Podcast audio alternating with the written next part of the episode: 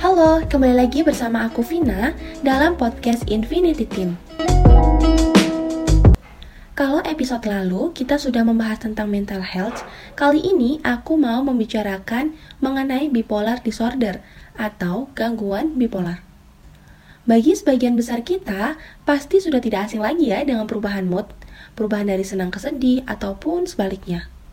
Mungkin, sekilas kita dapat menganggap remeh perubahan itu, namun, perlu kita ketahui, perubahan mood yang terlalu ekstrim bisa jadi merupakan sebuah gejala gangguan kejiwaan yang cukup berbahaya juga loh bagi penderitanya. Nah, apa sih sebenarnya bipolar disorder itu? Seperti yang dilansir oleh situs online hellodoc.com, bipolar disorder adalah sebuah gangguan mental yang menyebabkan perubahan suasana hati, energi, tingkat aktivitas, konsentrasi, serta kemampuan untuk melakukan kegiatan sehari-hari. Nama lain dari gangguan bipolar adalah maniak depresif. Biasanya kondisi pengidap berkisar pada periode perilaku yang sangat gembira atau bersemangat menjadi sangat sedih atau seperti putus asa. Pada penderita terdapat dua fase yaitu fase maniak atau fase sangat senang dan fase depresi atau sangat sedih.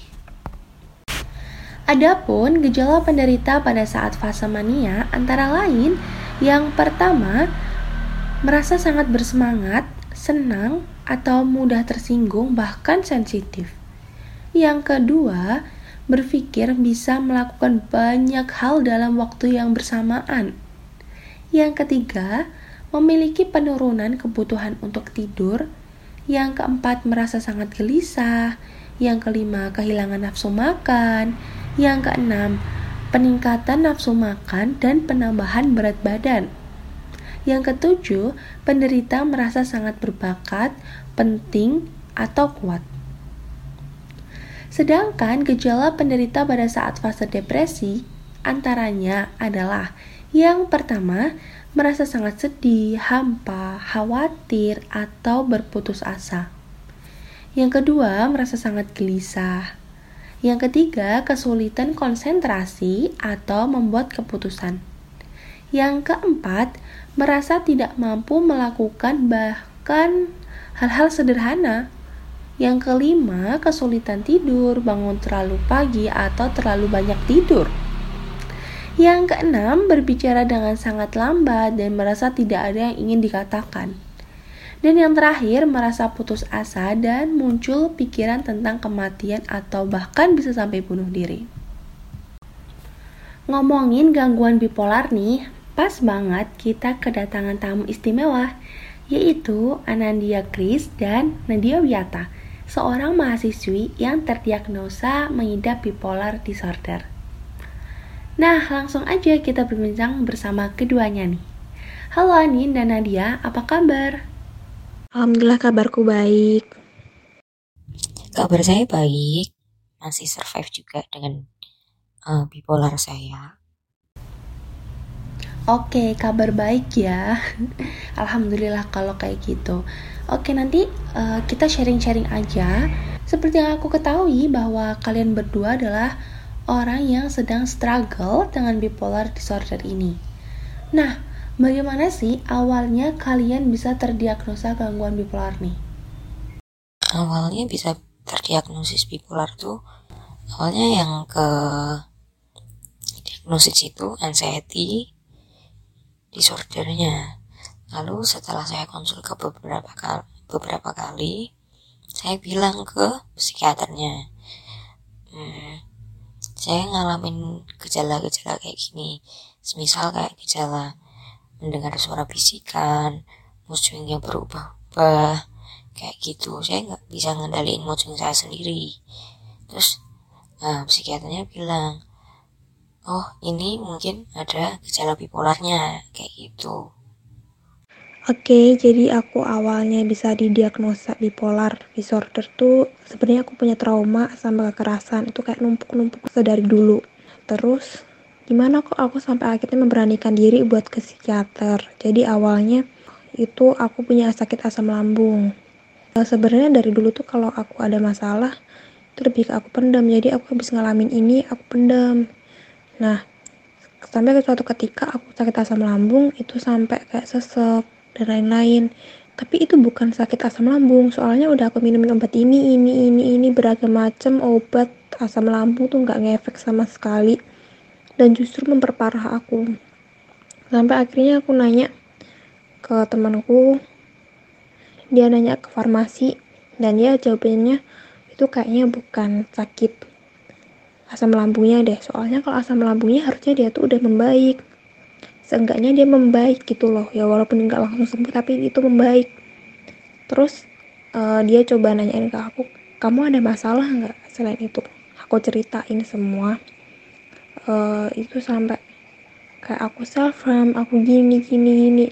Itu aku pikir self harm dulu itu it's normal. Soalnya kayak aku pikir uh, itu cara melampiaskan emosi tapi ternyata itu salah. Itu bukan cara melampiaskan emosi cuman aku kayak nyari pelarian. Kayak aku nggak bisa nyalurin emosi ini nih dan aku nggak mau nyakitin orang lain. Jadi otomatis kayak aku oke okay, aku nggak apa-apa kok nyakitin diriku sendiri. Jadi gitu. Sampai ada pikiran juga buat bunuh diri. Itu uh, pada awalnya terus aku kayak aku juga ngerasa kok kayaknya aku ada yang nggak beres ya sama diriku ya Akhirnya aku memberanikan diri ke psikiater sendirian pas awal kali. Selama ini ada nggak sih dampak gangguan bipolar ini untuk dirimu dan lingkungan sosialmu? Kan pasti uh, di jadi seorang mahasiswa kan kita lingkupnya juga sosial ya, ketemu banyak orang dan lain sebagainya. Ada nggak sih dampak gangguan dari bipolar ini? Dampak bipolar di diri saya sendiri sama lingkungan tuh terlalu ini ya uh, soalnya hmm, gini nih. Waktu saya kena bipolar awal-awal orang tua saya nggak tahu apa sih itu bipolar. Cuma lama kelamaan orang tua saya paham. Karena orang tua saya sering apa namanya ikut kalau saya check up atau gimana kayak gitu. Jadi uh, mereka tahu oh, bipolar itu kayak gini-gini. Terus cara penanganannya kayak gini-gini kayak gitu. Selain bipolar saya juga kena anxiety sama panic attack ya Dampaknya jujur kerasa banget ya, apalagi di sosial. Uh, dampak di sosial sendiri, sebenarnya kalau nggak speak up itu nggak masalah sih, nggak ada efek yang sama sekali apa pun itu. Aku pengen orang-orang tuh lebih aware ke mental health, soalnya kayak ini loh aku dulu aku dulu itu juga men uh, self harm tuh aku pikir normal, tapi ternyata itu nggak normal. Terus aku makanya speak up ke teman-teman aku aku dengan aku nge-share di uh, sosial media. Gini-gini apa yang aku alamin aku ceritain. Dan ya banyak teman yang hilang. Itu jujur banyak banget teman yang hilang. Terus tapi di balik itu kayak senang banget karena aku banyak temanku juga yang aware. Dan dia akhirnya memberanikan diri ke psikiater juga. Dan ya akhirnya juga jadi diagnosa tapi uh, bukan bipolar melainkan depresi sama anxiety. Tapi kayak aku ih aku senang berkat aku temanku lebih aware sama mental health gitu. Dampaknya sih yang paling kerasa sih itu sih. Kayak teman-teman hilang bener-bener hilang dari peradaban kayak bener-bener aku menjauh nggak kayak itu bener-bener dia tuh menjauh nggak mau deket-deket sama aku lagi gitu. Kalau dampak di diriku sih kayak masih masa bodoh jadi aku ngelakuin ini ini ini. Tapi sekarang yang dampaknya aku rasain tuh aku lebih aware jadi aku juga baca-baca jurnal. Selain itu aku juga baca-baca jurnal tentang bipolar. Kayak ini kenapa sih? Ini aku dalam fase apa sih? Jadi aku tuh bisa tahu oh aku dalam fase ini nih. Oh aku dalam fase ini nih. Terus aku makanya oh kalau fase ini aku harus ngapain ya? Itu tahu. Terus aku juga ngemut tracker aku juga ngetrack mood aku gimana sih selama ini gitu-gitu sih. Nah saat lagi nggak stabil itu biasanya kalian ngendaliinnya gimana? Pengendalian diri saya saat nggak stabil tuh cukup susah sih. Masih bingung saya sampai sekarang sebenarnya. Uh, mungkin dengan cari kesibukan terus coba deh mood swingnya itu di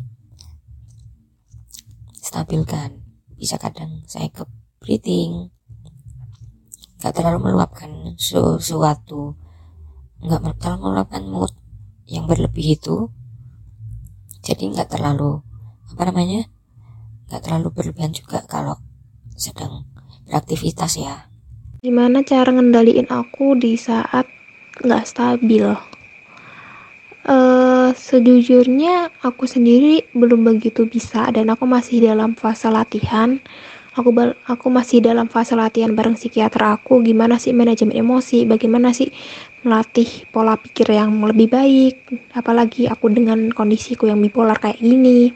Itu aku masih dalam fase pelatihan. Jadi jujur aku belum bisa. Tapi eh, nggak uh, stabilku tuh lebih kayak gini ini lagi rame-rame nih. Di atas pada rapat. Di bawah tanganku bisa nyilet gitu. Aku bisa nyilet tanganku sendiri gitu. Cuman terus ya udah biasa lagi. Udah biasa. Aku kayak nggak seakan-akan nggak terjadi apa-apa. But di bawah itu aku lagi nyilet atau aku lagi self harm ke diriku sendiri apa gitu. Kadang juga pernah kemarin pas di Jogja tiba-tiba mau mencelakakan diri lagi gitu dengan cara nabrakin mau nabrakin diri ke motor yang lewat gitu ya makanya masih di fase latihan sih belum bisa sepenuhnya untuk mengontrol diri sendiri belum. Apa motivasi untuk diri kalian sehingga bisa kuat dan bertahan sampai saat ini? Kalian keren banget. Motivasi saya hmm, bisa kuat sampai sekarang itu pertama dukungan dari keluarga sih. Sekarang keluarga support banget, uh, support saya dalam survive bipolar ini. Jadi oke okay, mungkin saya bisa sembuh. Kayak gitu dengan cara minum obat terus disemangatin orang-orang terus dengan treatment yang dikasih dari psikiater juga. Jadi saya pede. Kayak gitu. Yang ngebuat aku kuat sampai sekarang inget mimpi-mimpiku yang belum aku raih. Banyak banget mimpi cita-cita yang belum aku raih. Bener-bener yang nguatin aku tuh mimpi aku. Itu yang membuat aku jadi semangat. Oke contohnya ya aku pengen S2 aku pengen aku pengen jadi wanita karir aku pengen jadi wanita independen. Aku pengen bisa beli rumah sendiri. Aku pengen liburan traveling bareng-bareng. Nggak apa-apa nih ada bipolar. But ayo kita bangkit nggak apa-apa kok lagi di fase depresi ntar ada fasenya sendiri di manik ntar kamu seneng-seneng gitu ada jadi kayak yang nyemangatin aku sih kayak ya diriku sendiri tentang mimpi-mimpiku dan cita-citaku Oke, okay. apakah ada pesan motivasi yang ingin kalian sampaikan untuk orang yang juga terkena gangguan bipolar? Untuk orang-orang yang mungkin terdiagnosis bipolar, uh, jangan nyerah dulu pokoknya. Uh, bipolar itu bisa kok sembuh atau yang paling enggak berkurang lah. Karena kita tuh sebenarnya bisa bipolar tuh enggak terlalu mengganggu kehidupan kita juga kok. Kalau kita bisa memanagenya dengan baik kayak gitu. Uh, buat teman-teman yang juga bipolar survivor aku mau cuma mau bilang semangat makasih udah tetap bertahan sampai sekarang. Kamu hebat banget udah mau bertahan walaupun ya fasenya bener-bener up and down banget. Yang seneng seneng banget sedih itu sedih banget bahkan. Nggak jarang buat ada pikiran buat sendiri tapi kalian mau mau buat tetap untuk terus bertahan untuk terus hidup sampai sekarang itu kalian tuh ya udah hebat banget jujur. Udah hebat banget. Dan uh, aku minta tolong untuk kalian tetap bertahan sampai kapan pun lagi kapan pun nantinya untuk tetap bertahan. Jangan lupa untuk bercerita. Entah ke siapa pun siapa pun caregiver kamu jangan lupa untuk bercerita. Jangan dipendam sendiri. Inget bahwa banyak orang yang sayang sama kamu udah sih itu aja makasih So, itu tadi sharing-sharing kita dengan Andin dan Nadia. Semoga teman-teman yang mendengarkan bisa mengambil manfaat dari pembahasan ini. Terima kasih dan sampai jumpa lagi.